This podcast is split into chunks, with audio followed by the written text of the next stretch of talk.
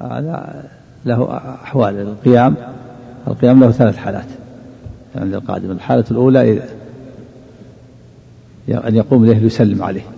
هذا لا بأس به. كما كان النبي إذا دخل على فاطمة قامت إليه وسلمت عليه وقبلت. وإذا دخل دخلت فاطمة وإذا دخل دخلت فاطمة قام إليها وقبلها. الثاني أن يقوم لاحترامه. هذا مكروه ويجلس فقط. الثالث أن يقوم على رأسه وهو جالس. وهذا أشد هذا هو المنهي عنه. قال النبي كنت كنتم أن أن تقوموا لما جلس وهو جالس أن تفعلوا كما تفعل العاجم يقومون على رؤوس ملوكهم وهم جلوس. نعم. إلا هذا آه، إلا إذا احتاج مثل الحراسة كما كان مغرب شعبة يحرس النبي صلى الله عليه وسلم في صلح الحديبية نعم قيام الطلاب ما ينبغي يقومون الطلاب لا يقومون. قيام الطلاب المدرس هذا غلط. لا لا تأديب لا ما يقوم. هذا يخشى أن يكون داخل في هذا الحديث. لا يقومون الرسول أحب الناس إلى الصحابة ولا يقومون إذا إذا جاء. ها؟ نعم لا ما ينبغي ما ينبغي يقوم الطلاب المدرس لكن يدخل ينهاهم عن القيام. لو أتى رجل إلى عندي ضيف. ها؟ كذلك كذلك لا, لا يقوم له. لأجل احترام لا يقوم له. إلا إذا قبل السلام عليه فقط. هذا ما هذا هذا هو المكروه. أقل أحوال الكراهة الشديدة. ما ينبغي. والثالث الحالة الثالثة أن يقوم على رأسه وهو جالس. هذا أشد. نعم وش في عندك في عندك تعليق هنا؟ قال الحافظ كثير بداية والنهاية في حوالي سنة 429 طيب خذ المكبر. نعم. قال الحافظ ابن كثير في بداية النهاية في حوادث سنة 429 وفي رمضان منها لقب جلالة جلالة الدولة السلجوقي سنة إيش؟ 429 قال وفي رمضان منها لقب جلال الدولة السلجوقي شاه شاه الأعظم. لقب ها؟ لقب وتلقب نعم. لقب جلال الدولة السلجوقي شاه شاه الأعظم ملك الملوك بأمر الخليفة القائم لله وخطب له بذلك على المنابر. فنفرت العامة من ذلك ورموا الخطباء بالآجر. ووقعت فتنة شديدة بسبب ذلك واستفتوا القضاة والفقهاء في ذلك فأفتى أبو عبد الله الصيمري الشافعي أن هذه الأسماء يعتبر فيها القصد والنية. وقد قال الله تعالى إن الله قد بعث لكم طالوت ملكا وقال وكان وراءهم ملك وإذا كان في الأرض ملوك جاز أن يكون بعضهم فوق بعض وأعظم من بعض. وليس في ذلك ما يوجب النكير والمماثلة بين الخالق والمخلوقين. وكتب القاضي أبو الطيب الطبري إن إطلاق ملك الملوك جائز ويكون معناه ملك ملوك الأرض. وإذا جاز أن يقال كافي الكفاة, كافي الكفاة وقاضي القضاة جاز أن يقال ملك الملوك. وإذا كان في اللفظ لا عليه لكن نحن نقول الثاني هذا غير جائز. نحن نقول لا يجوز قاضي القضاة. وإذا جاز هذا جاز هذا. والحديث والحديث إن أخلاق عند الله وجد السماء ملك الملائكة كيف يفعلون به؟ الآن يتكلم هذا لكن عند الحديث صريح. صحيح. ها؟ ها؟ حقق كتاب تجريد التوحيد ذكر خلاف على في خلاف نعم في خلاف يعني قضاة بمعنى رئيس القضاة. لعله ما يقيس لكن نعم قال إنها ليست مثله. لكنها يعني قد يقال القاضي يراد برئيس القضاة لكن الأحوط تركه لأنه في معنى قاضي إلا إذا أضيف قيل قاضي قضاة البلد الفلاني نعم. أقضاكم هذا مضاف. نعم. أقضى هؤلاء الأشخاص نعم. نعم نعم. قال وإذا جاز أن يقال كافي الكفاة وقاضي القضاة جاز أن يقال ملك الملوك. وإذا كان في اللفظ ما يدل على أن المراد به ملك ملوك الأرض زالت الشبهة. ومنه قولهم اللهم أصلح الملك. لكن هذا يصرف الكلام إلى المخلوقين. إذا قال ملك ملوك الأرض إذا أضافه زال المحذوف. لا بد من الإضافة نعم. قال وكتب التميمي الحنبلي نحو ذلك وأما الماوردي صاحب الحادي الكبير فقد نقل نقل عنه أنه أجاز ذلك أيضا. والمشهور عنه ما نقل ابن الجوزي والشيخ أبو منصور بن الصلاح في أدب المفتي أنه منع من ذلك وأصر على المنع منه مع صحبته للملك جلال الدولة وكثرة ترداده عليه ووجاهته عنده وأنه امتنع من الحضور في مجلسه حتى استدعاه جلال الدولة في يوم عيد فلما دخل عليه دخل وهو وجل خائف أن يوقع به مكروها. فلما واجهه قال له جلال الدولة قد علمت أنه إنما منعك من موافقة الذين جوزوا ذلك مع صحبتك إياي ووجاهتك عندي دينك واتباعك الحق وأن الحق آثر عندك من كل أحد ولو حابيت أحدا من الناس لحابيتني وقد زادك ذلك عندي صحبة ومحبة وعلو مكانة طيب. قال ابن كثير والذي حمل القاضي الماوردي على ذلك المنع هو اتباع السنة التي وردت فيها الأحاديث الصحيحة من غير وجه. قال الإمام أحمد حدثنا سفيان بن عيينة عن أبي الزناد عن الأعرج عن أبي هريرة رضي الله عنه عن النبي صلى الله عليه وسلم أنه قال أخنع اسم عند الله يوم القيامة رجل تسمى بملك الأملاك. قال الزهري سألت أبا عمرو الشيباني عن أخنع اسم قال أوضع. وقد رواه البخاري عن علي بن المديني عن ابن عيينة.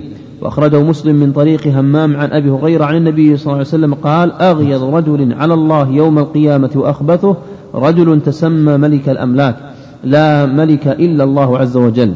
وقال الإمام أحمد حدثني محمد بن جعفر حدثنا عوف قال حدثنا عوف عن جلاس عن أبي هريرة قال قال رسول الله صلى الله عليه وسلم الله. اشتد غضب الله على من قتله نبي واشتد غضب الله على رجل تسمى بملك الأملاك لا ملك إلا الله عز وجل. انتهى. وقال العزيزي في شرح في الشرح الكبير أي سمى نفسه أو سماه غيره فرضي به وأقره ونحوه وما في معناه شاه شاهان والعجم تقدم المضاف إليه على المضاف وألحق به ملك ملك شاه.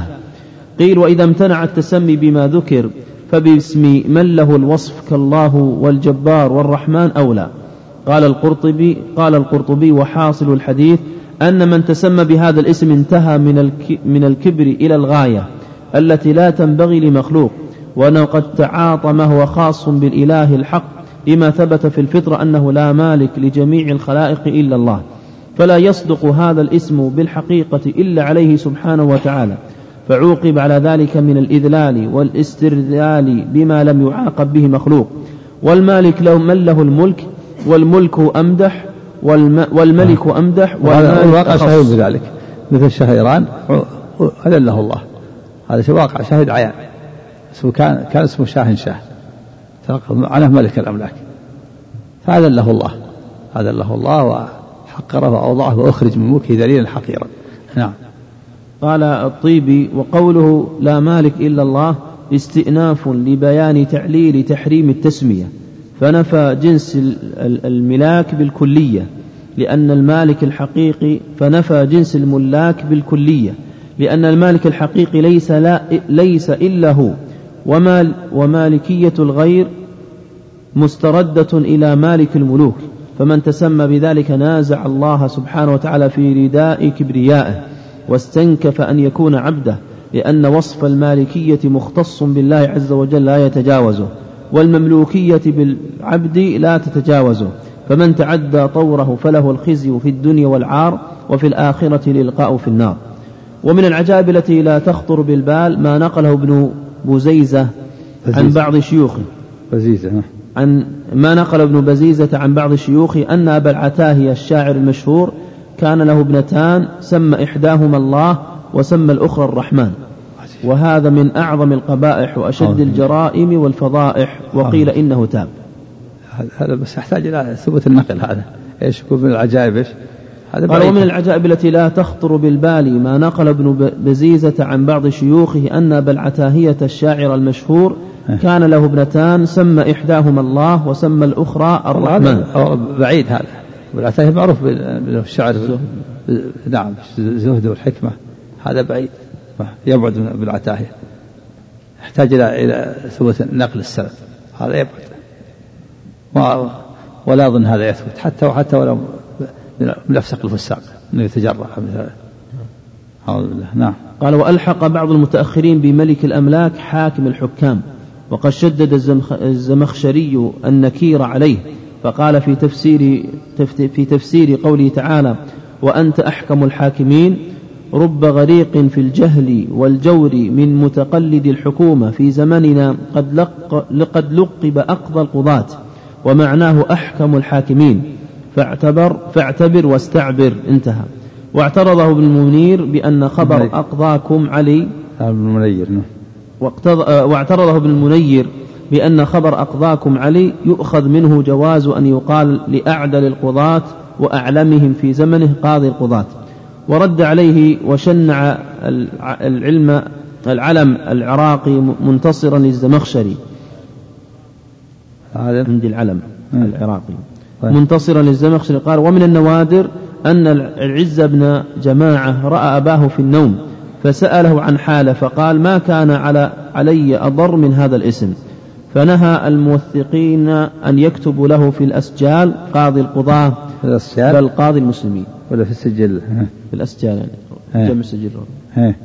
أن يكتب له؟ قال فنهى الموثقين أن يكتبوا له في الأسجال قاضي القضاة بل قاضي المسلمين.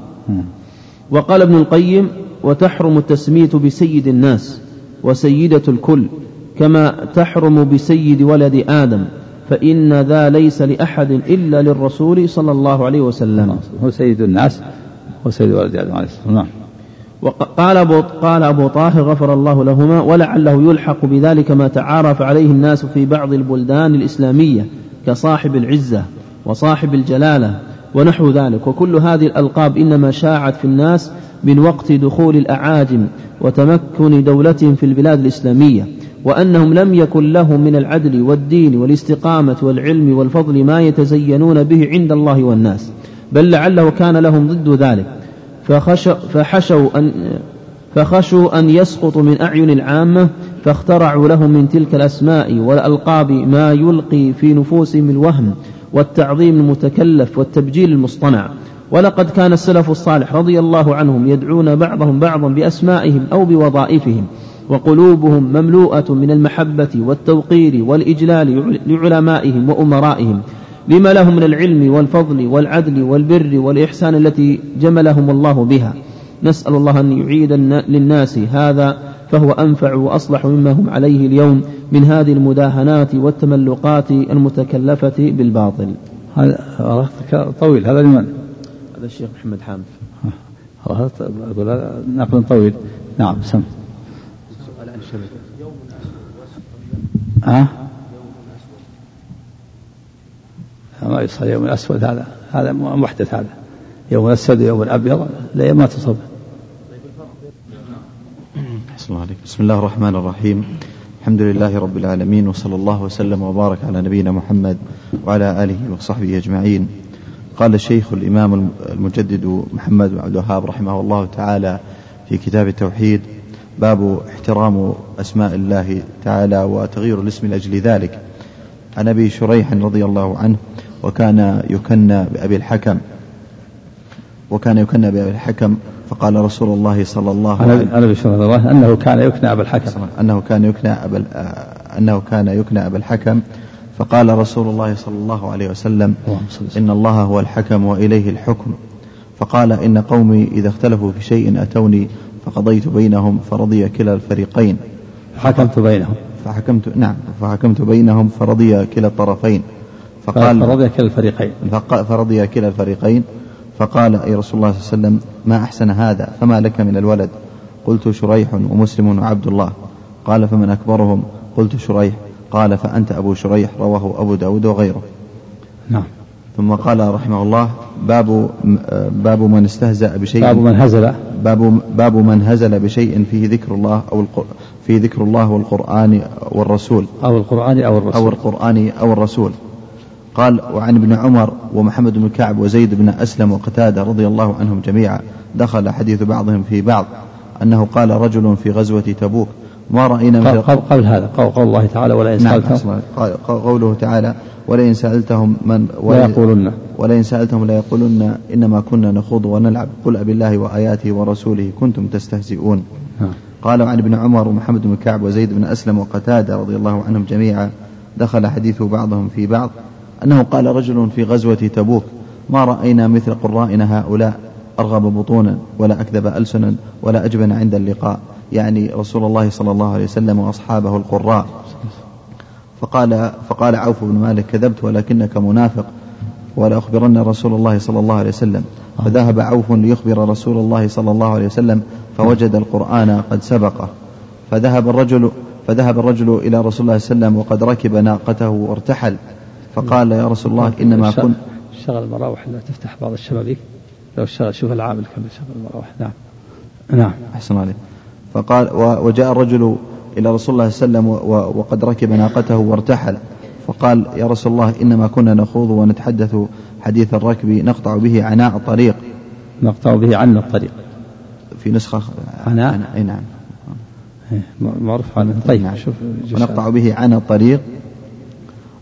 قال ابن عمر كأني أنظر إليه ممسك وكان أنظر إليه ممسك بنسعة ناقة رسول الله صلى الله عليه وسلم والحجارة تنكب رجليه ويقول يا رسول الله إنما كنا نخوض ونلعب. فقال رسول الله صلى الله عليه وسلم قال لو كنا نخوض ونلعب. نعم. قال رسول الله بالله وآياته ورسوله نعم. قال رسول الله صلى الله عليه وسلم قال, قال كان ينظر إليه متعلقا. هذه قبل اسمع نعم الأولى قبل. قبل ابن عمر قبل نعم. نعم قال ابن عمر كان ينظر إليه ممسك بنسعة ناقة رسول الله صلى الله عليه وسلم والحجارة تنكب رجليه. نعم. وهو يقول يا رسول الله إنما كنا نخوض ونلعب. فقال صلى الله عليه وسلم أبي الله وآياته ورسوله كنتم تستهزئون. فكان آه، لا لا لا يلتفت إليه ولا يزيد عليه. إليه ولا يزيد عليه. نعم. الرحمن الرحيم. الحمد لله رب العالمين وصلى الله وسلم وبارك على بالله ورسوله نبينا محمد وعلى آله وصحبه أجمعين. أما بعد قال الإمام مجدد الشيخ محمد بن محمد بن عبد الوهاب رحمه الله في كتاب التوحيد باب احترام أسماء الله تعالى وتغيير الاسم لأجل ذلك. عن أبي شريح أنه كان يكنى أبا الحكم فقال له رسول الله صلى الله عليه وسلم إن الله هو الحكم وإليه الحكم. فقال إن قومي إذا اختلفوا في شيء أتوني فحكمت بينهم فرضي كلا الفريقين. فقال النبي صلى الله صلى الله عليه وسلم ما أحسن هذا؟ فما لك من الولد قال شريح ومسلم وعبد الله. قال فمن أكبرهم قلت شريح. قال فأنت أبو شريح رواه أبو داود وغيره. هذا الباب عقده المؤلف رحمه الله تعالى هذه الترجمة احترام أسماء الله تعالى وتغيير الاسم لأجل ذلك. وأنه يجب على المسلم أن يحترم أسماء الله وأن يغير الأسماء التي فيها مشاركة لله تعالى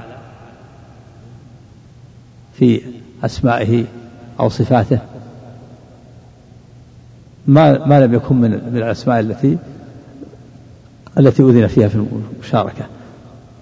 عن أبي شريح أنه كان يكنى أبا الحكم فقال له النبي صلى الله عليه وسلم إن الله هو الحكم وإليه الحكم. إن الله هو الحكم وإليه الحكم. فأخبر النبي صلى الله عليه وسلم أن أن الله أن من أسماء الله الحكم. قال إن الله هو الحكم. وإليه الحكم.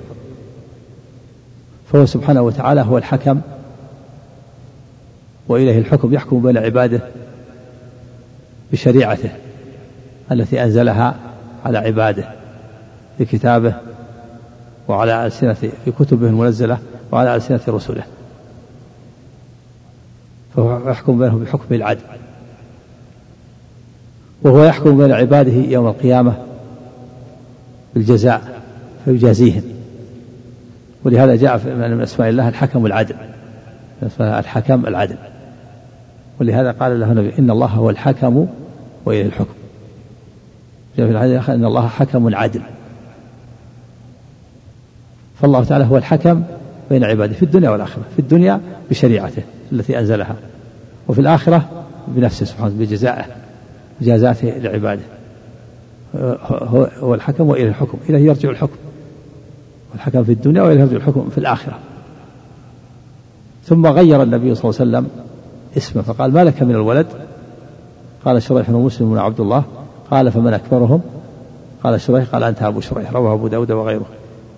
في هذا الحديث احترام أسماء الله تعالى وصفاته ولو يقصد الإنسان المعنى ولو يقصد الإنسان المعنى وفيه مشروعية تغيير الاسم. لأجل ذلك لأجل احترام أسماء الله تعالى وأسمائه وفيه تكنية الإنسان بأكبر أبنائه. والكنية ما صدر بأب أو أم أبو بكر أبو حفص. واللقب ما أشار بمدح أو ذم.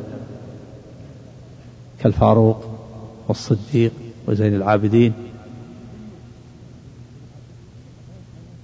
وفيه مشروعية تكنية الإنسان بأكبر أولاده.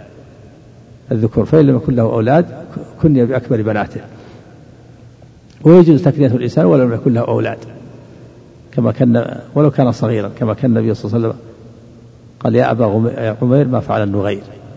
سمع أبو عمير كناه صغير طفل صغير معه آه، طير يلعب به.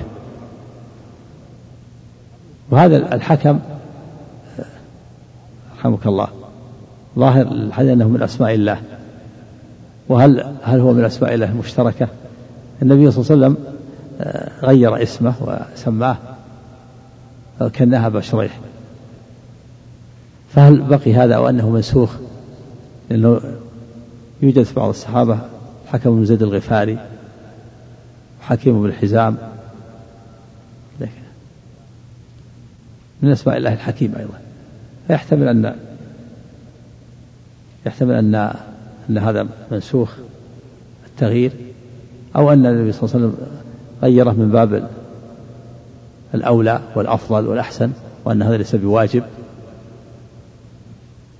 وأن هذا من الأسماء المشتركة مثل العزيز والسميع والبصير والحي كل هذه من الأسماء المشتركة فالله تعالى من أسمائه العزيز والمخلوق سمى العزيز. قالت امرأة العزيز من أسمائه السميع والبصير إنا خلق الإنسان من نطفة يمشاج النبتين فجعلناه سميعا بصيرا. فهذا يحتمل هذا من الأسماء المشتركة وأن النبي صلى الله عليه وسلم غيره من باب الأفضل والأولى والأحسن وليس بواجب. أو أنها كان أولا ثم نسخ بدليل أن بعض الصحابة فيه الحكم زيد الغفاري ولم يغيره وحكم بن حزام.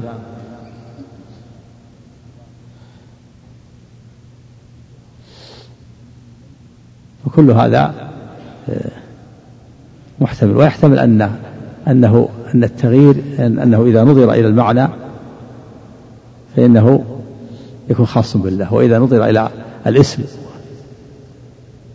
الجامد غير نظر إلى المعنى فليس خاصا. ينظر إلى المعنى وأن الحكم على الحقيقة هو الله. أما إذا نظر إلى ذات الاسم من نظر إلى المعنى فلا بأس بإطلاقه على المخلوق. وبكل حال فلا شك أن الأولى تغيير الاسم كما فعل النبي صلى الله عليه وسلم. لكن هل هو واجب؟ أو أنه الأولى بدون وجوب؟ أو أنه هذا منسوخ بدليل بقاء بعض أسماء بعض الصحابة ولم يغيرهم النبي صلى الله عليه وسلم. الباب الثاني يقول الباب من هزل بشيء فيه ذكر الله أو القرآن أو الرسول. هذه الترجمة لم يأتي جواب الشرط. باب من هزل بشيء فيه ذكر الله أو القرآن والرسول وتغيير الشرط فقد كفر. من؟ شرطية. جوابها محذوف تقول فقد كفر. ولم يذكر المؤلف رحمه الله جواب الشرط على عادة البخاري رحمه الله في تراجمه حتى يتبصر وينظر طالب العلم ويدرك الجواب. والتقدير باب من هزل بشيء فيه ذكر الله أو القرآن أو الرسول فقد كفر. وذلك لأن الهزل بشيء فيه ذكر الله أو القرآن والرسول تنقص لله أو للرسول أو القرآن وسب لله أو للرسول أو القرآن وسخرية بالله أو بالرسول أو بالقرآن وهذا كفر. قال الله تعالى ولئن سألتهم ليقولون إنما كنا نخوض ونلعب. قل أب الله وآياته ورسوله كنتم تستهزئون. لا تعتذروا قد كفرتم بعد إيمانكم. أثبت لهم الكفر بعد الإيمان. دل على أن السخرية والاستهزاء بالله وبكتابه وبرسوله ردة على الإسلام. عن ابن عمر ومحمد بن كعب وزيد بن أسلم وقتادة دخل حديث بعض في بعض أنه قال رجل في غزوة تبوك ما رأينا مثل قل رأينا هؤلاء أرغب بطونا ولا أكذب ألسنا ولا أجبن عند اللقاء. يعني رسول الله صلى الله عليه وسلم وأصحابه قراء. هذا رمى النبي صلى الله عليه وسلم القراء بكثرة الأكل والكذب في الحديث والجبن عند قتال. فقال هم أكذب الناس في الحديث وأكثر الناس أكلا في الأكل وأجبنهم عند ملاقاة العدو. فسمعها عوف بن مالك الصحابي الجليل فقال لهذا كذبت ولكنك منافق. لا أخبرن رسول الله صلى الله عليه وسلم. هذا فيه فيه إخبار, إخبار ولي الأمر وقائد الجيش بمقالة المنافقين. لأن هذا يضر وليس هذا من من النميمة ولكنه من النصيحة. وفيه الفرق بين النميمة والنصيحة. فالنميمة نقل الكلام من شخص إلى شخص أو من جماعة إلى جماعة على وجه الإفساد. والنصيحة هي إبلاغ الإبلاغ إبلاغ ولي الأمر بما فيه خطر ومضرة على الإسلام والمسلمين. فهذا فيه خطر ومضرة على الإسلام والمسلمين. ولهذا أبلغ عوف بن مالك النبي صلى الله عليه وسلم. فذهب عوف بن مالك إلى النبي صلى الله عليه وسلم فوجد القرآن قد سبقه وأنزل الله هذه الآية. ولئن سألتهم لا يقولون إنما كنا نخوض ونلعب. قل أبالله الله وآياته ورسوله كنتم تستهزئون. لا تعتذروا قد كفرتم بعد إيمانكم. فجاء ذلك الرجل الذي تكلم بهذا الكلام إلى رسول الله صلى الله عليه وسلم يعتذر ويقول يا رسول الله إنما كنا نخوض ونتحدث حديث الركب نقطع به عنا الطريق. فقال النبي صلى الله عليه وسلم أب الله وآياته ورسوله كنتم تستهزئون؟ قال ابن عمر كأني أنظر إلى ذلك الرجل متعلقا بنسعة ناقة رسول الله صلى الله عليه وسلم والنسعة هي الحبل الذي يكون على بطن الناقة. والحجارة تنكب رجليه متعلق بالنسعة وتخط رجليه تخط رجليه بالأرض تضرب رجليه. ويبالغ في الاعتذار من النبي صلى الله عليه وسلم. يقول يا رسول الله إنما كنا نخوض ونلعب. ونتحدث حديث الركب نقطع به عن الطريق. والنبي صلى الله عليه وسلم يتلو هذه الآية. أب الله وآياته ورسوله كنتم تستهزئون ما يلتفت إليه ولا يزيده عليه. فهذا الحديث دل على أن السخرية بالله أو بكتابه أو برسوله أو بشيء من الدين ردة على الإسلام والعياذ بالله.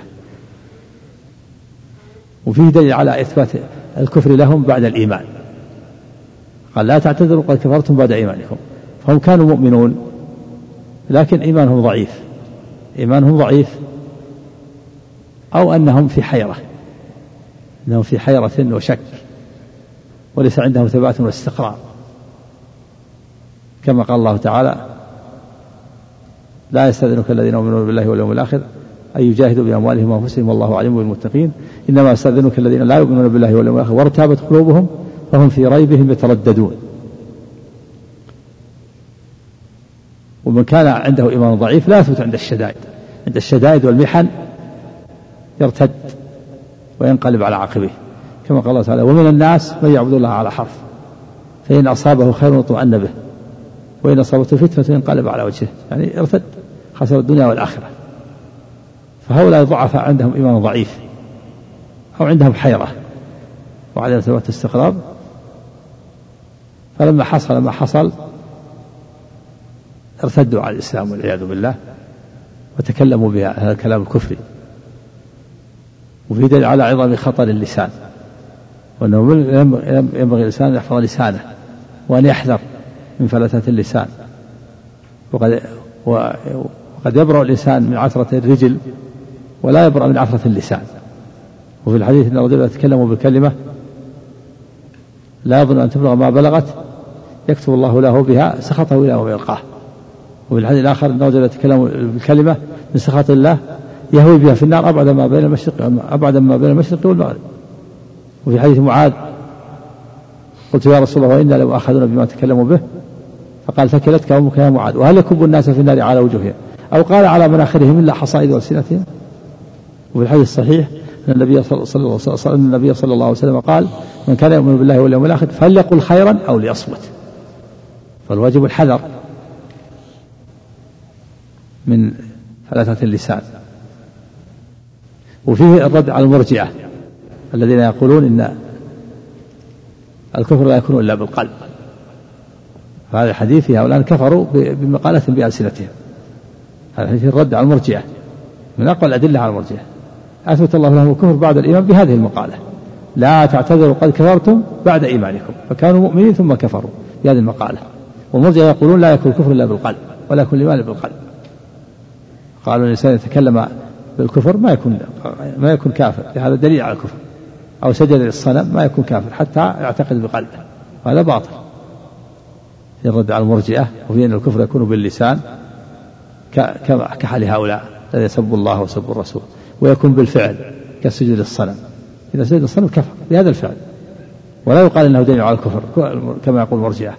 يقول سجود الصنم دليل على الكفر أو دليل على الكفر. وقد يكون الكفر بالاعتقاد كان يعتقد الله صاحبة أو ولدا أو يعتقد آه، أو يجحد ملكا من الملائكة أو يجحد البعث. وقد يكون الكفر بالشك أيضا.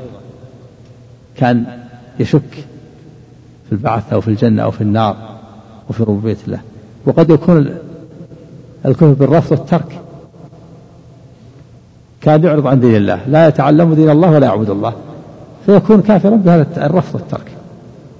فالكفر يكون بالقول ويكون بالفعل ويكون بالاعتقاد ويكون بالشك ويكون بالرفض والترك خلافا للمرجئة الذين يقولون لا يكون الكفر إلا بالقلب لا يكون الإيمان إلا بالقلب ولا يكون الكفر إلا بالقلب. هذا باطل من أبطل الباطل.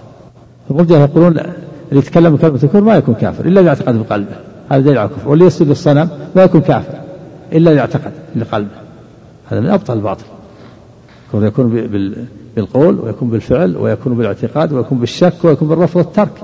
إذا رفض دين الله لا يتعلم دينه ولا يعبد الله كفر قال الله تعالى والذين كفروا عما أنذروا معرضون. خمسة أشياء كلها يكفر بها. الواجب الحذر من الكفر. ويبتعد الإنسان ويتعلم الأشياء أنواع الشر حتى يحذرها. كما كان حذيفة رضي الله عنه يقول كان الناس يسألون رسول الله صلى الله عليه وسلم عن الخير وكنت أسأل عن الشر مخافة أن يدركني وفي فرق بين النصيحة والنميمة وأن النصيحة لله ولكتابه والرسول غير النميمة. وفيه أيضا أن الكفر وأن أن السخرية والاستهزاء بالله وبكتابه وبرسوله أو بشيء من دينه أو ثوابه أو عقابه كفر وردة. كما دل عليه الحديث والعياذ بالله. نعم.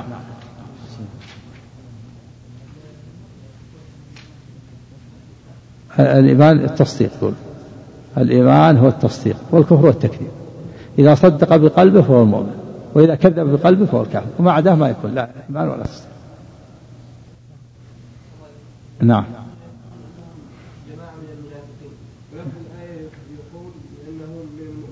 نعم. ها؟ إيه. من المنافقين باعتبار حالهم بعد بعد الكلام. ومن المؤمنين باعتبار حالهم قبل الكلام. قبل الكلام مؤمنين وبعد الكلام منافقين نعم. نعم اختلف العلماء في التوبة في توبة في توبة توبتهم توبة الساخر بالله وبكتاب رسوله والساب بدين الله. وكذلك من تكررت ردته الزنديق على قولين من العلماء من قال إنه لا تقبل توبة الزنديق المنافق. وكذلك الساب الساخر بالله وبكتابه والساحر ومن تكررت ردته قالوا لا تقبل توبتهم في الدنيا. فلا بد من إقامة الحد عليه كل واحد يقتل ولا تقبل توبته زجرا لأمثاله عن هذا الكفر الغليظ. قد ألف شيخ الإسلام رحمه الله بهذا كتاب قيم سماها الصارم المسلول على شاتم الرسول. له هذا الكتاب. والقول الثاني أهل العلم أنه يستتاب فإن تاب ولا قتل. أما القول الأول يقول لا يستتاب في أحكام الدنيا. أحكام الدنيا ما ما في إلا القتل. وأما في الآخرة بينه وبين الله فهذا له توبة. إن تاب توبة صادقة قبلها الله وإن كان كاذبا فله حكم الكاذبين. هذا في الآخرة. في الآخرة الله هو الذي يحاسبه. إن كان صادقا في توبته فهو كان مؤمنا وإن كان كاذبا فهو كافر عند الله. أما في الدنيا ما نقبل. ما نقبل القتل. لا بد أن ينفذ فيه الحد. حتى لا يتجرأ الناس على هذا الكفر الغليظ. الساحر والساب لله ورسوله والمستهزئ ومن تكررت ردته والزنديق. وقال آخرون من العلم أنه كغيره من غيره من الكفار يستتاب فإن تاب وإلا قتل. نعم. ها؟ وقول هذا قول قوي قول قول المحققين ان إن هؤلاء لا تقبل توبتهم حتى لا يتجرأ الناس على مثل الكفر قول له وجهة نعم لا لا الجاهل نعم. الجاهل معذور لكن هذا إذا كان غير جاهل. الجاهل لابد أن تقوم عليه الحجة. لابد من قيام الحجة مثل قصة الرجل الذي في, في بني إسرائيل الذي أمر أهله أن يحرقوه ويذروه في البحر وقال إن قدر الله عليه ليعذبني عذابا شديدا. هذا حمله الجهل والخوف ظن أنه إذا أحرق وسحق وذر في البر وفي البحر فات على الله. ولو ما أنكر البعث يظن إذا ترك يبعث ولا أنكر قدرة الله لكن ظن بسبب جهله وخوفه العظيم أنه إذا أحرق وسحق وذر نصفه في البر ونصفه في البحر فات على الله ولا يدخل تحت القدرة. فغفر الله له بسبب أمرين بسبب الخوف العظيم مع الجهل. لكن لو كان معاندا عالما أو معاندا أو مكذبا ما ما عذر.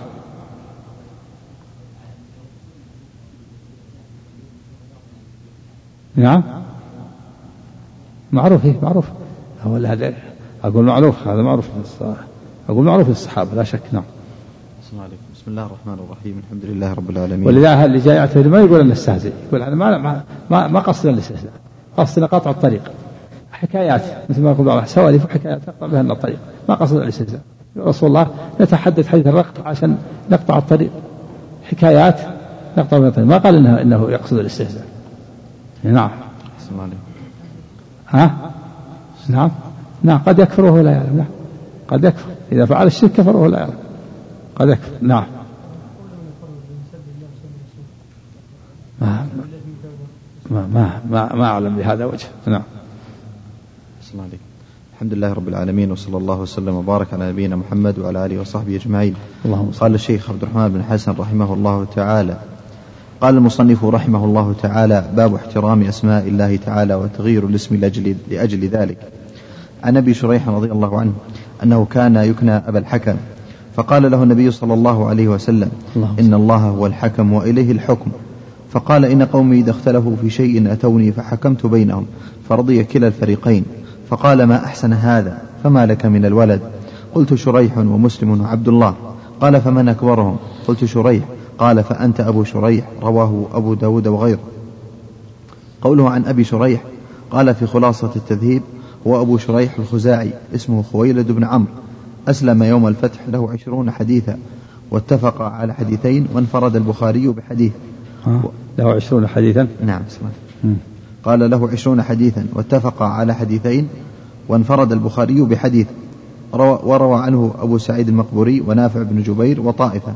قال ابن سعد مات بالمدينة سنة ثمان وستين.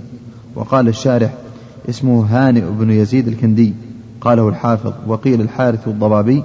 قاله المزي. الحارث إيش؟ الضبابي. نعم. قاله المزي. قوله, قوله يكنى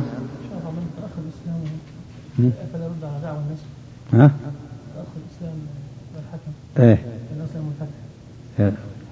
يقول السلام والفتح نعم. إيه. نعم صحيح. نعم قد يكون قد يكون يعني قد قد يكون سمعه من غيره من الصحابة. نعم. قد يكون سمعه من غيره من الصحابة ممن تقدم إسلامه لا لا هذا الحديث بشرح قال له. كان بينه وبينه بينه وبين النبي صلى الله عليه وسلم. لكن محتمل نعم. ها؟ أي حديث؟ حديث صحيح. ما تكلم. الشارح تكلم عليها تكلم عليه الشارح؟ ولا المحشي تكلم عليه؟ ها؟ قال أبو داود والنسائي صحيح. ها؟ مختصر. قال أبو داود والنسائي صحيح. نسخة الوليد. تكلم المتن وش فيه؟ ها؟ خالف الاحاديث الصحيحه التي فيها التسليم. إيه. لا ممكن الجمع. هذا ما غرض يمكن الجمع. يمكن الجمع بأن هذا الأولى. يمكن بأن الأولى التغيير وليس بواجب. يكون من باب الاستحباب. يحمل على يحمل على الاستحباب. ها؟ نعم. يحمل على النسخ. إذا عرف المتأخر وإذا لم يعرف وهذا إذا النسخ لا لا يلجأ إليه إلا بعد تعذر الجمع والجمع ممكن. يمكن أن يقال هذا من باب الاستحباب التغيير. البقاء يدل على الجواز إبقاء بعض الصحابة يدل على الجواز والتغيير يدل على الاستحباب. ها؟ في الحديث إن الله هو الحكم العادل نعم. نعم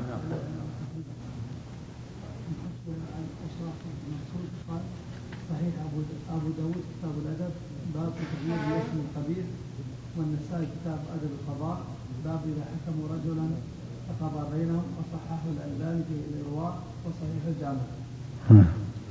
قال أبو داود باب تغيير الاسم القبيح إيه. نعم مستدرك الحاكم في سند إيش الحسين من يقول في سند إيش الحسين؟ من اللي قال؟ أنت طلعت تقول في متن غرابة ها؟ أه؟ إيه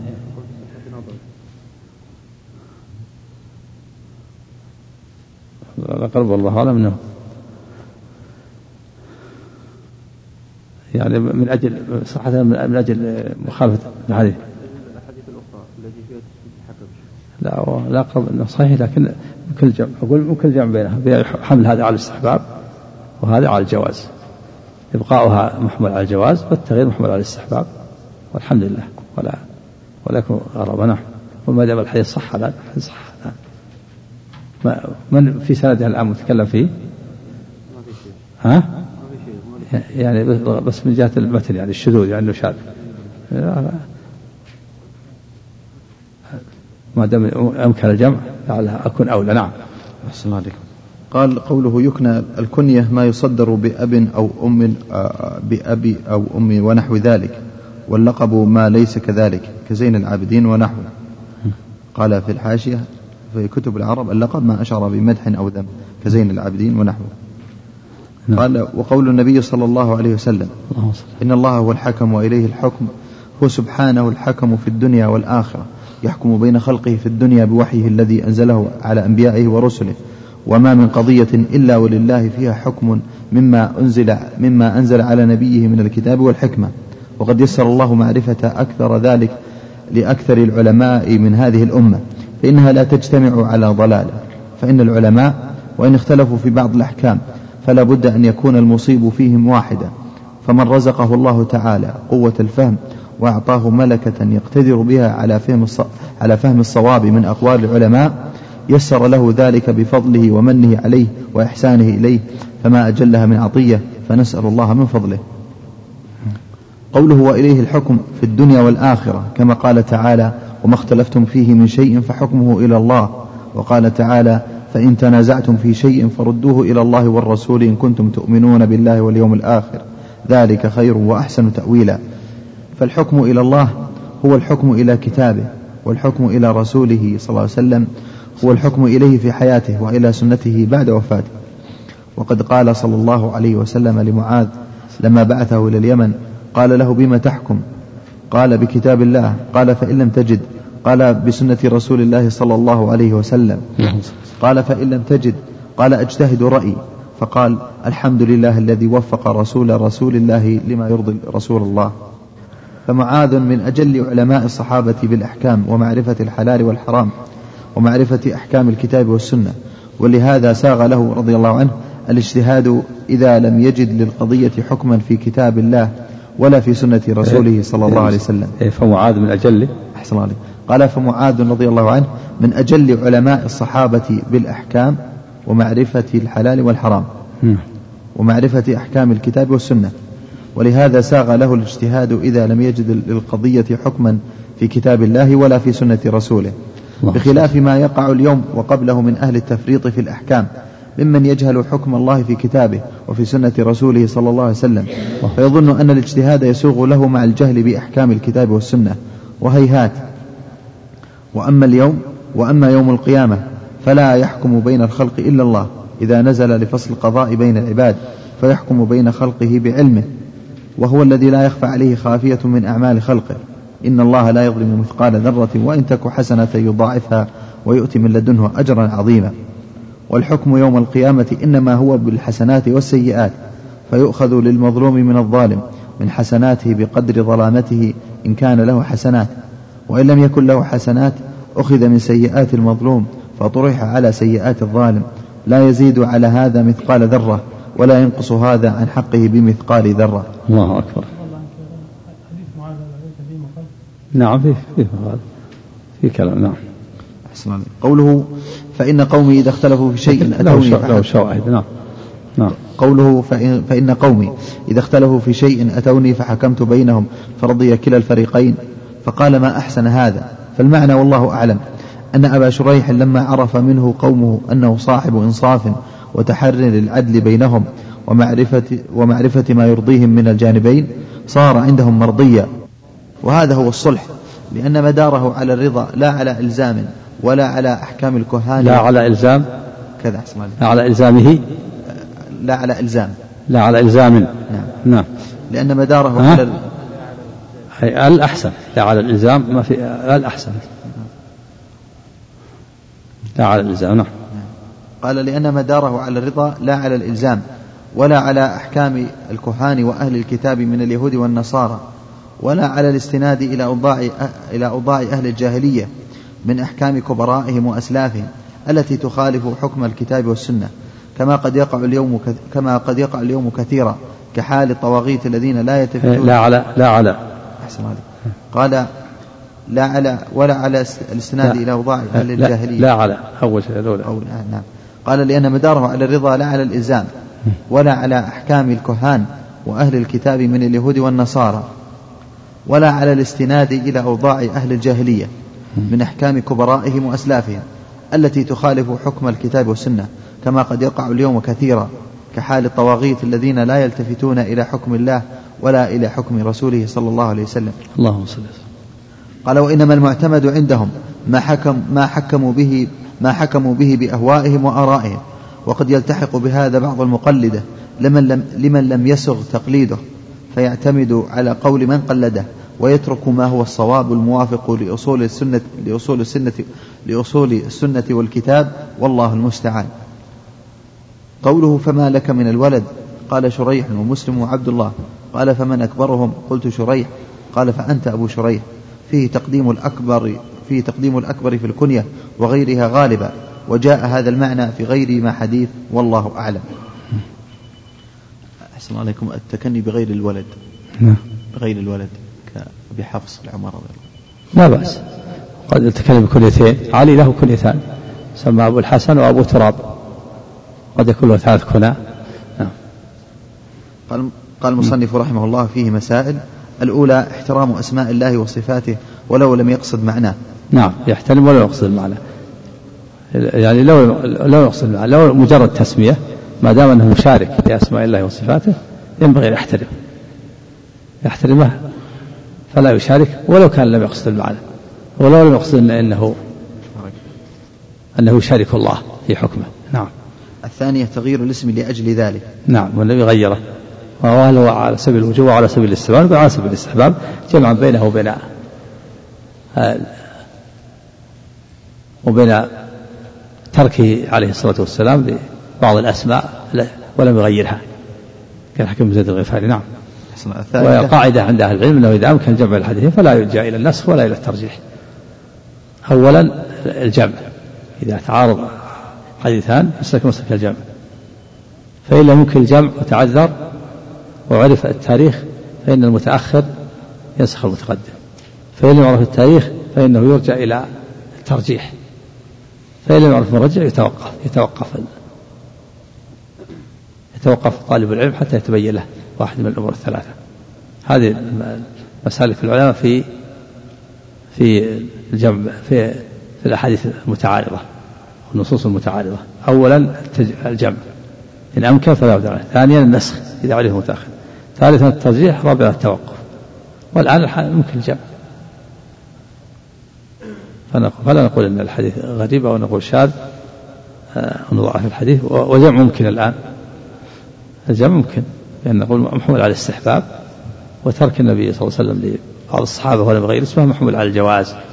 نعم. أحسن عليك. قال الثالثة اختيار اختيار أكبر الأبناء للكنية. نعم. اهلها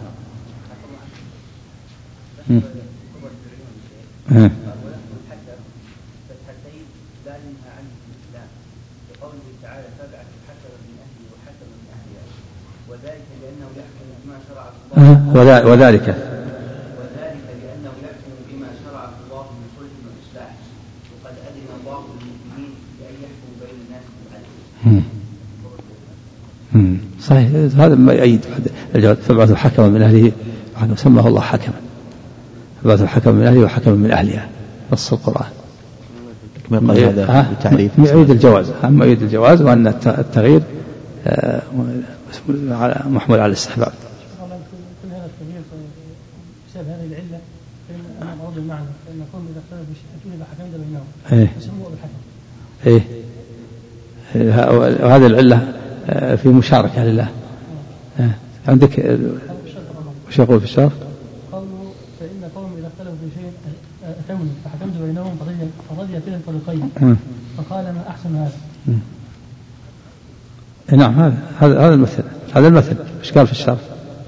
لا هذا اقصد العله إيه، نعم له هو له مشاركة لكن هذا نقول من الأسماء المشتركة الجائزة مثل العزيز لكن الحكم لكن التغيير باب الاستحباب لأجل ملاحظة المعنى. وإن ترك فلا حرج.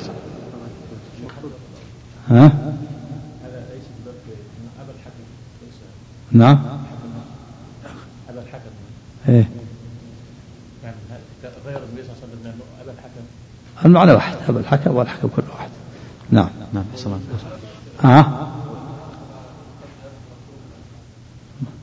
الضار النافع. المعطي الأسماء المزدوجة النافع والضار المانع والمعطي. هذه خاصة بالله هناك أسماء مشتركة مثل العزيز والسميع والبصير والرؤوف والرحيم. وله قالت امرأة العزيز المؤمن الرؤوف الرحيم سميعا بصيرا الحي. وهكذا. في أسماء خاصة بالقيوم أقرب الله من القيوم من الأسماء الخاصة بالله فلا يسمى الشخص القيوم. نعم. كلام الشيخ محمد رحمه؟ الله. كلام الشيخ محمد رحمه الله. نعم على هذا؟ أي نعم. قال؟ قال بعد أن ذكر أنواع أسماء الله عز وجل منها ما لا يسمى بها غيره ومنها ما يوصف به غير الله ثم قال بعد ذلك أما إذا كان أما إن كان يصح أن يوصف به غير الله فيجوز وصفه به إما تسمية بذلك فإن لوحظت الصفة أي سمي لأجل أنه موصوف بذلك. فهو ممنوع. ولذا غير النبي صلى الله عليه وسلم كنية أبي الحكم إلى أبي شريح. وإن لم تلاحظ جاز. ولذا ذكر ذكر في الإصابة نحو ثلاثين نفرا كلهم اسمه الحكم وأقرهم النبي صلى الله عليه وسلم لأنه ليس في هذا ليس في هذه إلا العالمية وأسماء الله تتضمن الاسم والصفة. إيه. هذا مثل ما ذكرنا. ذكرنا في الشرح ان إن لوحظ المعنى غير وإن لوحظ أنه اسم جامد جامد.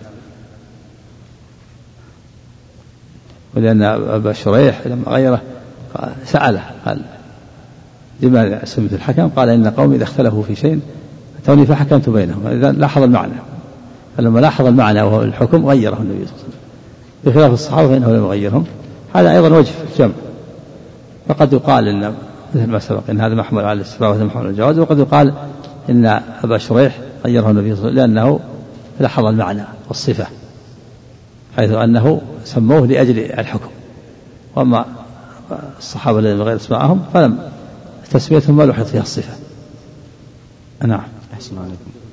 نعم.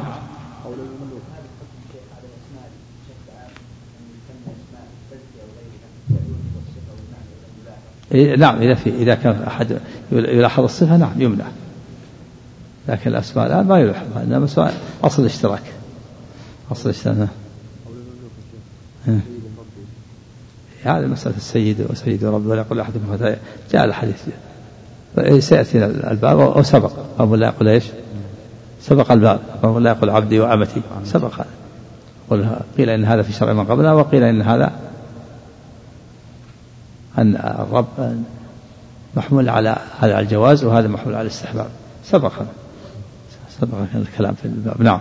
أحسن عليك. قال قال رحمه الله قال المصنف رحمه الله تعالى باب من هزل بشيء فيه ذكر الله أو القرآن أو الرسول قال أي فقد كفر قال المصنف رحمه الله تعالى وقول الله تعالى ولئن سألتهم ليقولن إنما كنا نخوض ونلعب قل بالله وآياته ورسوله كنتم تستهزئون عن ابن عمر ومحمد بن كعب وزيد بن أسلم وقتادة دخل حديث بعضهم في بعض أنه قال رجل في غزوة تبوك ما رأينا مثل قرائنا هؤلاء أرغب بطونا ولا أكذب ألسنا ولا أجبن عند اللقاء.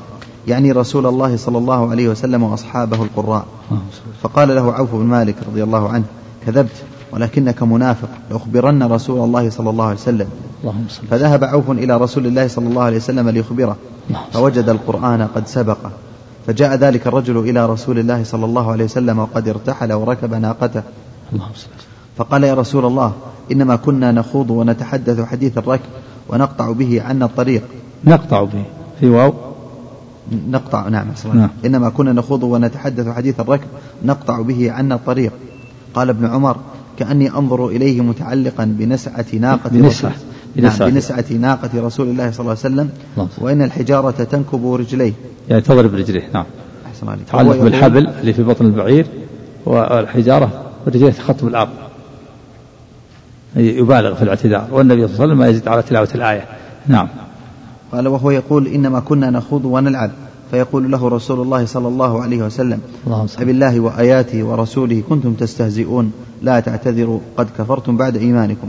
ما يلتفت إليه وما يزيده عليه. قال العماد بن كثير رحمه الله في تفسيره قال أبو معشر المدني عن محمد الله. نعم. نعم صحيح. قال عن محمد بن كعب القرظي وغيره. قالوا قال رجل من المنافقين ما أرى قراءنا هؤلاء؟ إلا أرغبنا بطونا وأكذبنا ألسنة وأجبننا عند اللقاء. فرفع الله. فرفع ذلك إلى رسول الله صلى الله عليه وسلم وقد ارتحل وركب ناقته فقال يا رسول الله إنما كنا نخوض ونلعب. فقال أبالله وآياته ورسوله كنتم تستهزئون. لا تعتذروا قد كفرتم بعد إيمانكم. إن نعفو عن طائفة منكم نعذب طائفة بأنهم كانوا مجرمين. وإن رجليه ليسفعان الحجارة وما يلتفت إليه رسول الله صلى الله عليه وسلم وهو متعلق بنسعة ناقة رسول الله صلى الله عليه وسلم. اللهم صل وسلم. وقال عبد الله بن وهب أخبرني هشام بن سعد عن زيد بن أسلم عن عبد الله بن عمر رضي الله عنهما قال قال رجل في غزوة تبوك في مجلس يوما ما رأينا مثل قرائنا هؤلاء أرغب بطونا ولا أكذب ألسنا ولا أجبن عند اللقاء فقال رجل في المجلس كذبت ولكنك منافق لأخبرن رسول الله صلى الله عليه وسلم فبلغ ذلك رسول الله صلى الله عليه وسلم ونزل القرآن. قال عبد الله بن عمر أنا رأيته متعلقا بحقب, بحقب ناقة رسول الله صلى الله عليه وسلم تنكبه الحجارة. وهو يقول يا رسول الله إنما كنا نخوض ونلعب. ورسول الله صلى الله عليه وسلم يقول. بالله وآياته ورسوله كنتم تستهزئون. لا تعتذروا قد كفرتم بعد إيمانكم. وقد رواه الليث عن هشام بن سعد بنحو من هذا. قال ابن إسحاق وقد كان جماعة من المنافقين منهم وديعة بن ثابت أخو بني أمية بن زيد بن عمرو بن عوف ورجل من أشجع حليف لبني سلمة يقال له مخشي بن حمير حمير إيش؟ وحش- وحشي بن حمير بالشكل حمير كذا عندك؟ بالش- بالشدة بالشكل أحسن عليك ها؟ معصر حمير شوف وحشي كان كان له اسم في شكل هنا ها؟ لا الشكل ما عليه عمده لا بد يكون ضبط بالحروف يقول بضم الحاء المهملة فتح الميم وتشديد الياء المث- المثنات تحتانية المكسورة إذا قال كذا هذا الضبط أما الشكل. بعض الناس يشكل ي- يظن جمال يجمل على رغبته يجمل الكتابة الشكل ما عليه عمده فهمت؟ لابد ضبط الحروف وحشي إيش؟ قال محشي. وش مخشي. مخشي مخشي مخشي ابن حمير ولا خمير؟ حمير. حمير ضبط عندك؟ تكلم عليه. محتمل ها؟ يحتاج الأنساب شوف القاموس. نعم إيش قبل وحشي أعد الكلام؟ نعم. قال ابن إسحاق وقد كان جماعة من المنافقين منهم وديعة بن ثابت أخو بني أمية بن زيد بن عمرو بن عوف ورجل من أشجع حليف لبني سلمة يقال له مخشي مخشي بن حمير. يشيرون إلى رسول الله صلى الله عليه وسلم وهو منطلق إلى تبوك. فقال بعضهم لبعض أتحسبون جلاد بني الأصفر كقتال العرب بعضهم بعضا؟ بل أصفر النصارى. شوف النفاق في قلوب المرض في قلوبهم أتح- أتحسبون نعم. هذا يرجفون المسلمين يرعبونهم يكون الرعب في قلوبهم. تشوى ان جلاد النصارى مثل مثل قتال العرب. النصارى آه، يعني قلوبهم فيها رعب وخوف. جلاد العرب أحسن لكن هذا لما في قلوبهم من النفاق. تحسبون إيش؟ قال أحسن الله فقال بعضهم لبعض أتحسبون جلاد بني الأصفر كقتال العرب بعضهم بعضا؟ والله لكأن بكم غدا مقرنين في الحبال. رجافا وترهيبا للمؤمنين. هذا كان بكم مقرنين مقرنين بالحبال. الأصفر يسرون عليكم ويأسرونكم. نعم النصارى نعم.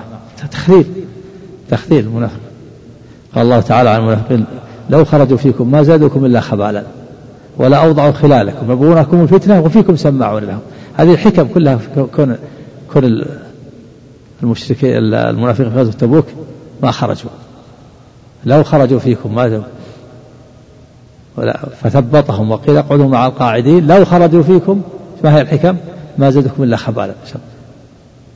يبغون الفتنة وفيكم سماعون لهم. ضعفاء الإيمان فيهم من, من يسمع حديثهم. فلهذا الله تعالى ثبطهم. ولو أرادوا الخروج لا عدوا له عدة. ولكن كره الله بعثهم. فثبطهم وقيل اقعدوا مع القاعدين. ثم ذكر الحكم في تثبيط تثبيطهم وقال لو خرجوا فيكم هذه هذه المفاسد التي تحصل بخروج ما زادوكم إلا خبالا شرا. ولا وضعوا خلالكم يعني يعني يسعون بينكم بالفتنه بينكم في صفوفكم. يبغونكم الفتنة وفيكم سماعون لهم هناك منهم من يسمع لهم ويتأثر. نعم. اسمع ظاهره أن هذا حصل أثناء الغزوة. نعم. أثناء الغزوة أو بعد رجوع النبي صلى الله عليه وسلم. وين؟ الحادثة. الحادثة؟ نعم. بعد بعد الرجوع الظاهر بعد الرجوع سيأتي. الكلام نتكلم عن الشالة نعم. قال قال رجل في غزوة تبوك في مجلس في مجلس؟ في مجلس يوما. نعم. إيه. محتمل محتمل أن يكون في الذهاب أو في الإياب. إيه في الذهاب إذا. نعم. لم يذكر شيء ما ذكر نعم. إيه آه. يعني صدر هذا الكلام لضعف إيمانهم فلما صدر منهم هذا الإيمان كفروا. بعد صدوره وصلوا بالكفر. وقبل صدوره أنهم ضعف إيمان حصل هذا التأثر بسبب ضعف الإيمان. التأثر الذي بعثهم على المقالة ضعف الإيمان. ها؟ اي لا وصلوا بالنفاق بعد الله يهديك بعد بعد ما قالوا هذا المقال لأنهم بقوا. يقول إحنا من الصحابة. لا زالوا الآن يظهرون الإسلام بزعمهم وهم منافقون. يكونون مع المسلمين. يقول ما ما ما ذهبوا إلى الكفار وصاروا يقاتلون لا هم مع مع الجيش. يقول إحنا مؤمنين. الكلام هذا نقطع به عن الطريق. يدعون الإيمان ويبطلون الكفر. نعم. قال قال ابن إسحاق وقد كان جماعة من المنافقين منهم وديعة بن ثابت. أخو نعم ثم قال بعضها والله لكأن بكم غدا مقرنين في الحبال إرجافا وترهيبا للمؤمنين. فقال مخشي بن حمير والله لو وددت أني أقاضي إيه لا الشكل ما عليه. نعم نعم. وهذا من رأي ابن إسحاق يعني في السيرة. إيه. قال وقد كان جمع من منهم. إيه. ليس مرفوع وليس متصل. نعم التاريخ المؤرخون ما, ما عندهم عناية بالأسانيد نعم. أحسن عليه قال فقال مخشي بن حمير والله لو وددت أني أقاضي على أن يضرب كل رجل منا مئة جلدة. ها ها قال إيش؟ أحسن عليك. والله. نعم. فقال مخشي بن حمير والله لو وددت أني أقاض أني أقاضى على أن يضرب كل رجل منا مئة جلدة وأنا نتفلت أن ينزل فينا قرآن لمقالتكم هذه. وقال رسول الله صلى الله عليه وسلم فيما بلغني لعمار بن ياسر أدرك القوم فإنهم قد احترقوا فسلهم عما قالوا فإن أنكروا فقل بلى قلتم كذا وكذا. فانطلق إليهم عمار فقال ذلك لهم فأتوا رسول الله صلى الله عليه وسلم يعتذرون إليه فقال وديعة بن ثابت ورسول الله صلى الله عليه وسلم واقف على راحلته فجعل يقول وهو آخذ بحقبها يا رسول الله إنما كنا نخوض ونلعب. فقال مخشي بن حمير يا رسول الله قعد, باسم قعد باسمي واسم أبي فكأن الذي عناه أي بقوله تعالى إن نعفو عن طائفة منكم نعذب طائفة في هذه الآية. فقال مخشي بن حمير فسمي عبد الرحمن وسأل الله أن يقتل شهيدا لا يعلم مكانه لا يعلم بمكانه. فقتل يوم فقتل يوم اليمامة فلم يوجد له أثر. هذا منقطع يقول فيما بلغني هذا منقطع. نعم أشارنا في السيرة سيرة نعم. يعني منقطع يقول فيما بلغني. نعم. وقال عكرمة في تفسير هذه الآية كان رجل ممن إن شاء الله عفى عنه. يقول اللهم إني قال من؟ أنا عكرمة إيه. في تفسيره. إيه. وقال عكرمة في تفسيره هذه الآية كان رجل ممن إن شاء الله عفى عنه. يقول اللهم إني أسمع آية أنا أعنى بها تقشعر منها الجلود ويجب منها القلب. ها؟ تس- تقشر تقشر منها الجلود نعم. وتجل منها القلوب من وجل يجل الوجل هو الخوف. نعم. و... و... لا يجل يجل نعم. نعم. ويجل منها القلب. من الوجل وهو الخوف. نعم. وجلت قلوبهم. انما من الذين ذكر الله وجلت قلوبهم. نعم. أحسن عليك قال اللهم إني أسمع اللهم إني أسمع آية أنا أعنى بها. تقشعر منها الجلود ويجل منها القلب.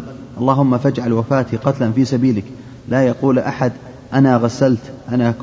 أنا كفنت أنا دفنت قال فأصيب يوم اليمامة من هو؟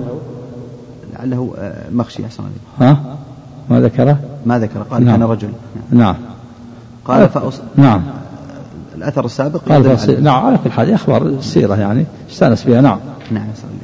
قال فأصيب يوم القيامة فما أحد من المسلمين إلا وقد وجد غيره. قوله- قوله يوم يوم اليمامة نعم نعم قال فما أحد من المسلمين إلا قد وجد غيره. قوله لا تعتذروا قد كفرتم بعد إيمانكم.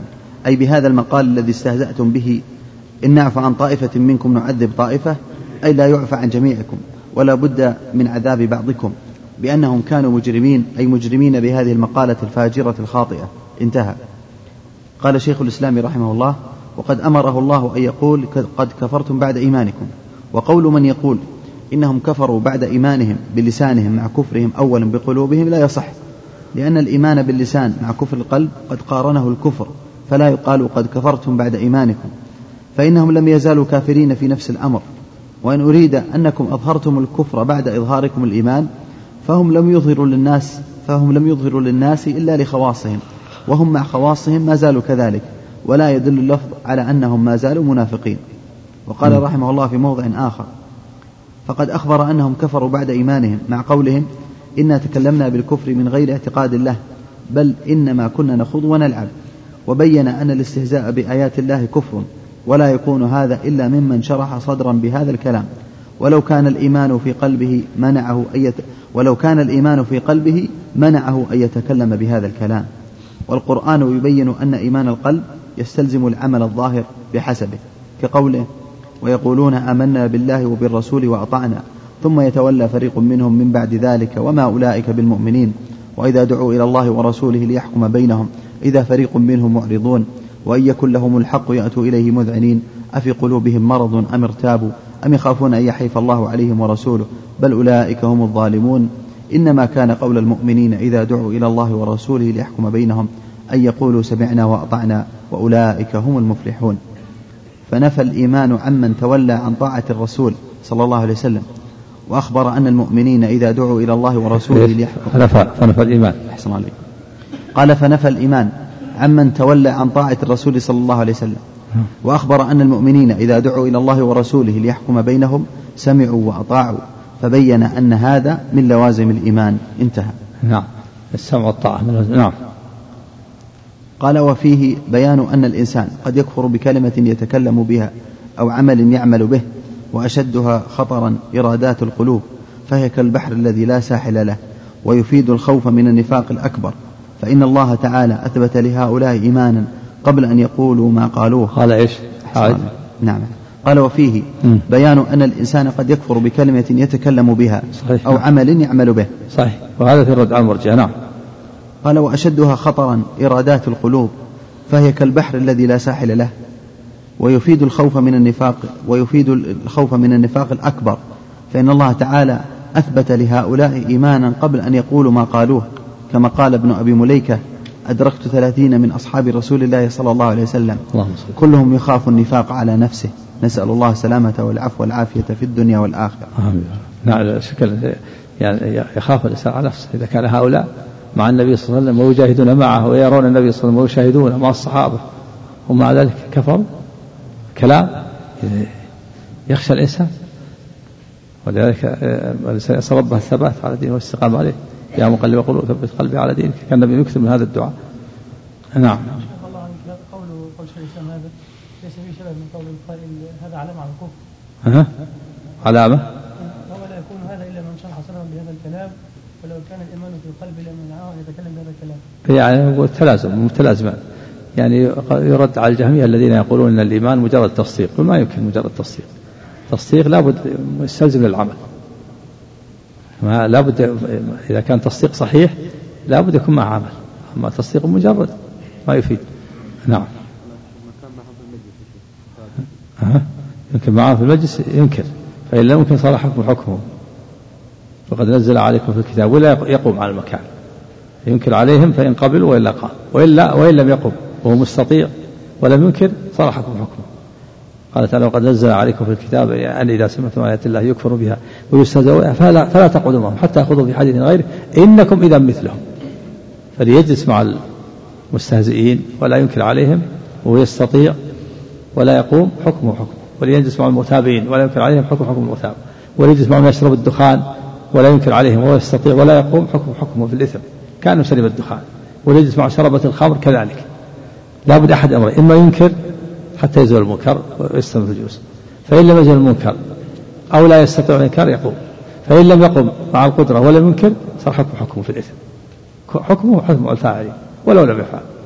كانوا يشربون حكم الشاربين كانوا يكفرون حكم الكافرين كانوا يدخنون حكم المدخنين. نسأل الله السلامة والعافية. نعم. إذا أنكر ولم يلتزم صاحب إذا أنكر إيه؟ ولم يرتدع صاحب المنكر يقوم؟ يقوم. نعم يقوم. نعم.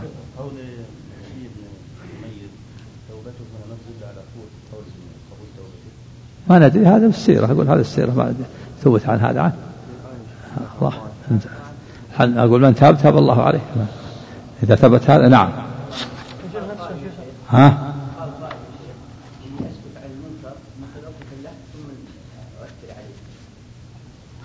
لا هذا مسألة أخرى. إذا كان مثلا أخر الإنكار لوقت آخر يرى أنه أحسن هذا له وجه لكن رأى شخص عليه منكر. هذا غير اللي يتكلم بالمنكر ويفعل المنكر الجماعة. نعم. هذا إذا رأى على شخص منكر ورأى أن المصلحة أنه يؤخر الإنكار في وقت مناسب فلا بأس. نعم. إيه. نعم. إن إيه. نعم. نعم ظاهره أنه عفي عن طائفة. نعم. أحسن عليك. وأنه أنه تاب بعض الطائفة. لا كافية أما الآثار هذه السيرة سيرة هشام يعني أسانيدها كما منقطعة معروفة. هذه النعف عن طائفة قول قول التوبة إيه الظاهر نتابع منهم. ظاهر الآية هكذا أنه عفى عن طائفة وتابوا نعم. ها؟ إيش؟ من يجهل؟ هذه مسألة إقامة الحجة هذا. إقامة الحجة على الشخص إذا كان يجهل. الأصل إذا كان مثل يجهل هذا لابد من إقامة الحجة عليه. نعم. قال المصنف رحمه الله في مسائل الأولى وهي العظيمة أن من هزل بهذا أنه كافر. نعم. من هزل بشيء في ذكر الله والقرآن والرسول كافر. ولو لم يعتقد بقلبه. نعم. الثانية أن هذا هو تفسير الآية في نعم. من فعل ذلك كائنا من كان. نعم. يعني ليس خاصا بهؤلاء. بل كل من شاركهم في أفعالهم فله حكم. كل من هزل بشيء من ذكر الله والرسول فهو كافر وليس خاصا بهؤلاء الذي نزلت فيهم الآية. لأن العبرة بعموم اللفظ بخصوص السبب. نعم. الثالثة الفرق بين النميمة وبين نصيحة لله ولرسوله. نعم. ما فعله عوف نصيحة حينما أخبر النبي صلى الله عليه وسلم وليس نميمة. لأن هذا في خطر على المسلمين في السكوت في مضرة. أما النميمة فهي نقل كلام من شخص أو من أشخاص على وجه الإفساد. وعوف ما قصد الإفساد قصد الإصلاح. نعم. هذه نصيحة وليست نميمة نعم. أحسن عليك. الرابعة الفرق بين العفو الذي يحبه الله وبين الغضة على أعداء الله. نعم. الغضة على أعداء الله مثل هؤلاء. غلظ علينا أنهم مجاهدون يقاتلون مع النبي صلى الله عليه وسلم. أما العفو هذا ينظر. الإنسان الذي وقع في زلة وهفوة وهو من أصحاب العثرات وليست له عادة هذا محل عفو. كما جاء في أقيلوا ذوي العثرات هيئاته. أقيلوا ذوي الهيئات عثراته إذا كان له مكانة في المجتمع ثم زلت به القدم هذا محل عفو يعفى عنه أو يؤدب أو يوبخ ولا يرفع به إلى المحكمة. أما إذا كان أصحاب سوابق هذا ليس محل العفو لأنك إذا عفوت عنه صار يزيد في الشر. إنسان متهور وإنسان معروف له سوابق ويعفى عنه يعفو عنه مثلا صاحب السيارة متهور معروف عنه التهور. هذا ما هو محل العفو هذا لا لابد يرجع لا يعفى عنه. لكن زلت به القدم وليس ليس له سوابق ومن من أهل الحياء ومن أهل لهم مكانة من اللي عندهم حياء وعندهم خجل عندهم مراعاة الأمور لكن زلت به القدم هذا هو محل محل العفو. فرق بين من أهل من هو أهل للعفو وليس أهل للعفو إيش الأخيرة هذه الفرق؟ قال الفرق بين العفو الذي يحبه الله نعم. وبين الغلظة على أعداء الله. نعم. سر قال خامسا أن من أن من الاعتذار ما لا ينبغي أن يقبل. نعم. مثل اعتذار هؤلاء المنافقين. هذا اعتذار غير مقبول ما قبله النبي صلى الله عليه وسلم. نعم. يقع هذا أحيانا شيخ مع المحارم يكون النفاق واضح جدا فيقدم الإنكار و النفاق النفاق الأصغر يعني؟ لا لا هذا الاستهزاء. إيه. فيقدم الإنكار والعزلة أو وينتج من هذا قطيعة رحم. لا لا فرق بين القطيعة وبين بين النصيحة. هذا النصيحة بعد النصيحة. إيه. إذا لم يمتثل وقع في كلام كفري؟ نعم. هل, هل يقطع؟ إيه. إذا كان إذا كان الهجر يفيده إذا كان الهجر يفيده لا لا. يقاطع. إذا كان لا يفيده يستمر في نصيحته لعل الله يهديه. ويبذل أسباب أخرى في نصيحته من قبل بعض الدعاة أو بعض الجيران أو بعض الأقارب اللي لهم تأثير عليه يبذل الأسباب ويستمر لأنه إذا إذا قاطعه قد قد لا يبالي به ولا يقبل منه. إذا كان لا يقاطعه صار فيه. الهجر الصبر كالدواء. إن كان يفيد استعمله. ولذلك النبي هجر كعب بن مالك وصاحبه إلى المنوية مرة من الربيع ولم يهجر المنافقين. هجر كعب وصاحبه خمس خمسون ليلة. هجرهم النبي خمسين ليلة. ولم يهجر المنافقين. نعم. المقصد الآن تحمل الأذية. يعني تحمل الأذية والدفاع. أي ولو يتحمل الأذية ويستمر في النصيحة ويبذل أسباب أخرى لعل تفيد. نعم. بعض الأسئلة من الشبكة أحسن عليك. ها؟ بعض الأسئلة. خل بعد خلى في الأخير. سب سب بسم الله عليك. بسم الله الرحمن الرحيم. الحمد لله رب العالمين وصلى الله وسلم وبارك على نبينا محمد وعلى آله وصحبه أجمعين. قال الشيخ الإمام المجدد محمد بن عبد الوهاب رحمه الله تعالى باب قول الله تعالى ولئن أذقناه رحمة منا من بعد ضراء مسته ليقولن هذا لي. وعن أبي هريرة رضي الله عنه أنه سمع رسول الله صلى الله عليه وسلم يقول إن ثلاثة من بني إسرائيل أبرص و... ما في ما في الآية الآخرة ها؟ في الشرح متن- ذكر- متن. نعم. المتن. قال قال قال مجاهد. هذا بعملي وأنا محقوق به. نعم. قال مجاهد قال مجاهد هذا بعملي وأنا محقوق به وقال ابن عباس يريد من عندي وقوله قال إنما أوتيته على علم عندي قال قتادة على علم مني بوجوه المكاسب وقال آخرون على علم من الله أني له أهل. وهذا معنى قول مجاهد أوتيته على شرف. نعم. ثم قال أحسن عليك وعن أبي هريرة رضي الله عنه أنه سمع رسول الله صلى الله عليه وسلم يقول إن ثلاثة من بني إسرائيل أبرص وأقرع وأعمى فأراد الله أن يبتليهم. فبعث إليهم ملكا فأتى الأبرص فقال أي شيء أحب إليك قال لون حسن وجلد حسن ويذهب عني الذي قد قدرني الناس به. قدر لي. قدر يقدر. بفرح يفرح. نعم. نعم. قال ويذهب عني الذي قدرني الناس به. قال فمسحه فذهب عنه قدره فأعطي لونا حسنا وجلدا حسنا. قال أي المال أحب إليك قال الإبل أو البقر شك إسحاق فأعطي ناقة عشراء. فقال بارك الله لك فيها. قال فأتى الأقرع فقال أي شيء أحب إليك؟ قال شعر حسن ويذهب عني الذي قدرني الناس به. فمسحه فذهب عنه وأعطي شعرا حسنا.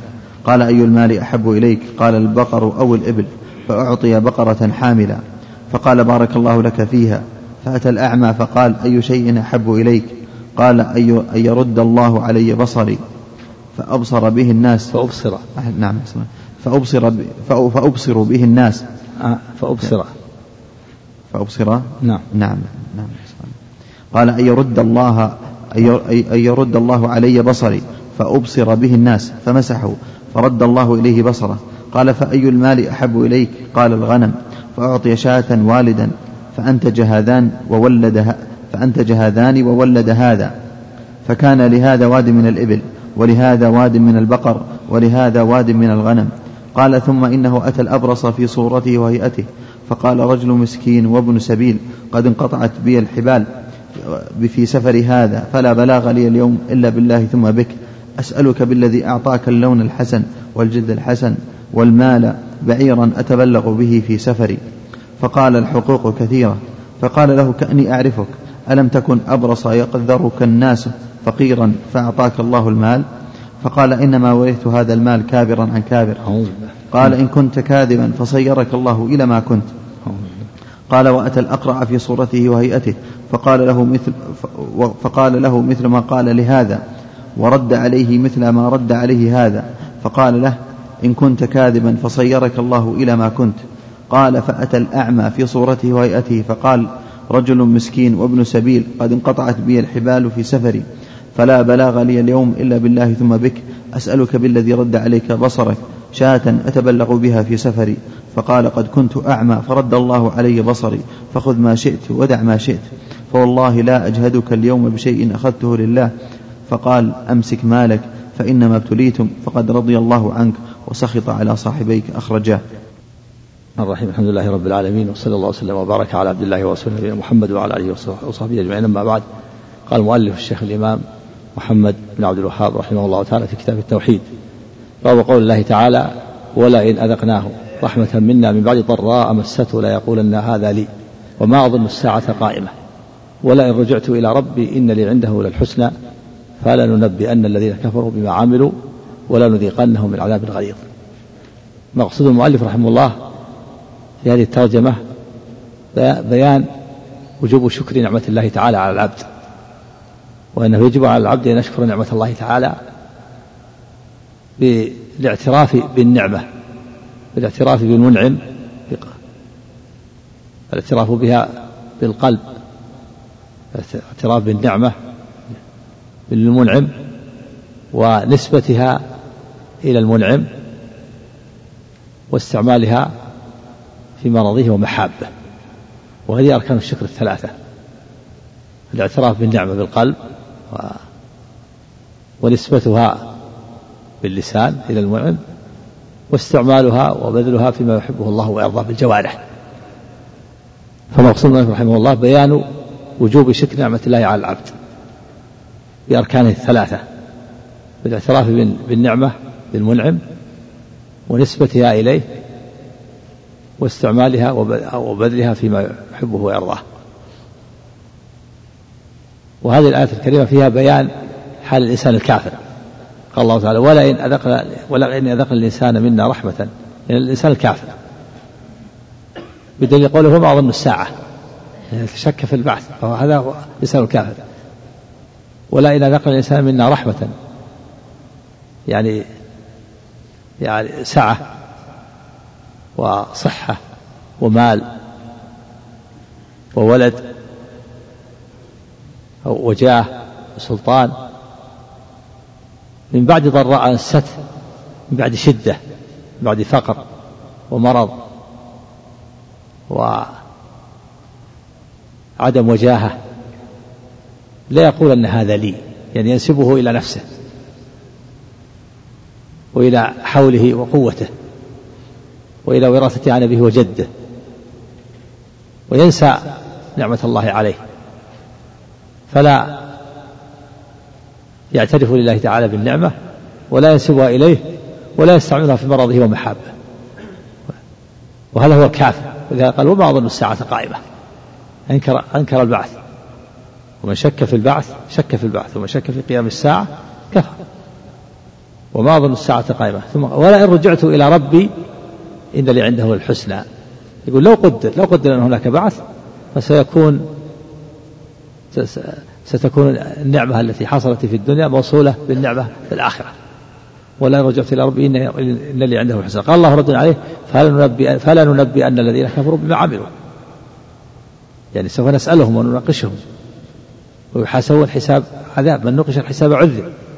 فلا ننبئن الذين كفروا بما عملوا ولنذيقنهم من عذاب غليظ. وهو عذاب النار نعوذ بالله. وعذاب القبر والأهوال الشديدة في موقف القيامة. ولهذا قال وقد نقل المؤلف رحمه الله أقوال المفسرين أقوال العلماء. قال مجاهد هذا بعملي وأنا محقوق به. تفسير لقوله لا ولا إن ولا إن ذقناه رحمة منا. من بعد ضراء مسته لا يقول هذا لي هذا لي. يقول مجاهد هذا بعملي وأنا محقوق به. يعني هذا الخير الذي حصل له وهذا الرخاء وهذا المال وهذه السعة بعملي وأنا محقوق به يعني جدير به وأهل له. وقال ابن عباس يريد من عندي. يعني هذا حصل من عندي بجهدي وفكري وعملي وقوتي ونشاطي. يمكن نعمة الله عليه. ثم قال في الآية الأخرى قال إنما أوتيته على علم عندي. في هذه قصة قارون. قصة قارون. قال الله تعالى إن قارون كان من قوم موسى فبغى عليهم. وآتيناه من الكنوز. ما إن مفاتحه لتنوء بالعصبة أولي القوة إذ قال له قومه لا تفرح. نصحوه قوم خمس نصائح. قال له لا تفرح إن الله لا يحب الفرحين وابتغي فيما آتاك الله الدار الآخرة هذه النصيحة الثانية. ولا تنس نصيبك من الدنيا هذا النصيحة الثالثة. وأحسن كما أحسن الله إليك هذه النصيحة الرابعة. ولا تبغي الفساد في الأرض هذه النصيحة الخامسة. إن الله لا يحب المفسدين. ماذا رد؟ قال إنما أوتيته على علم عندي. على علم عندي. قال قتادة على علم على علم مني بوجوه المكاسب. وقال آخرون على علم من الله أني له أهل. وهذا هو معنى قول المجاهد أوتيته على شرف وهذه المعاني كلها داخلة في معنى الآية. هذه بعض المعاني هذه من معاني الآية وليس المراد الحصر. والعلماء يفسرون المعنى ببعض يفسرون اللفظ ببعض معناه. فهذه كلها داخلة في الآية. فقارون لما نصحه قومه وقال ابتغ فيما اتاك الله الدار الآخرة ولا تنس نصيبك من الدنيا. ولا تفرح فرح الاشر والبطر. لا تفرح فرح الاشر والبطر. الفرح فرحان فرح الاشر والبطر هذا هو المذموم إن الله لا يحب الفرحين في الآية الأخرى يعني الاشرين البطرين. أما الفرح بنعمة الله وفضله وخيره توفيق الإسلام وتعليم القرآن هذا مطلوب. قال تعالى قل بفضل الله وبرحمته فبذلك فليفرحوا هو خير مما يجمعون. لما قال نصر قومه قال إنما أوتيت على علم عندي. على علم كما قال على علم من بوجوه المكاسب. قال على علم من الله أني له أهل. أو قال أوتيت على شرف. ويعني ورثت هذا المال كابر عن كابر أب عن جد. أنكر نعمة الله وجحدها وهذا فيه التحذير التحذير من جحد النعمة وإنكارها. فالله تعالى أخبرنا عن قول الكافر تحذيرا منه. قال, قال ولا إلا ذقناه رحمة منا من بعد ضراء مسته لا يقول أن هذا لي. يعني هذا بعملي وأنا محقوق به وأنا جدير به وأني أهل له. تحذير من هذا. الواجب على العبد أن يعترف لله بالنعمة. و ويعلم وأن يعلم حقيقة نفسه. وأنه عبد مربوب مخلوق. وأن كل نعمة حصلت فهي من الله وما بكم من نعمة فمن الله. وكذلك أيضا قول قارون قال إنما أوتيت على علم عندي. الله تعالى قص على قصة لنحذر لنحذر كفر النعمة وجحدها. كفر النعمة وجحدها. كما قال بعض السلف مضى القوم ولم يعلم به سواكم. الله هؤلاء مضوا لكن المقصود التحذير التحذير من أفعالهم السيئة. ثم ذكر المؤلف رحمه الله حديث أبي هريرة في الصحيح أخرجه الذي أخرجه الشيخان البخاري ومسلم رحمه الله في قصة الأبرص والأقرع والأعمى. قال عن أبي هريرة النبي صلى الله عليه وسلم قال إن ثلاثا أن النبي صلى الله عليه وسلم قال إن ثلاثا من بني إسرائيل أبرص وأقرع وأعمى. فأراد الله أن يبتليهم يعني يختبرهم ويمتحنهم. فالإنسان مختبر ومبتلى في هذه الحياة الدنيا. الذي خلق الموت والحياة. ليبلوكم أيكم أحسن عملا. كل إنسان مبتلى. ما من إلا مبتلى. فالصحيح مبتلى بصحته. هل يستعملها في طاعة الله أو في معصيته؟ والمريض مبتلى بمرض. هل يصبر أو يجزع؟ والغني مبتلى بغناه. هل يشكر أو يكفر؟ كما قال الله تعالى عن سليمان لما جاء عرشه بالقيس قال هذا من فضل ربي ليبلوني أشكر أم أكفر. ومن شكر فإنما يشكر لنفسه ومن كفر فإن ربي غني كريم. والفقير مبتلى فقره. هل يشكر أو يجزع؟ هل يصبر أو يجزع؟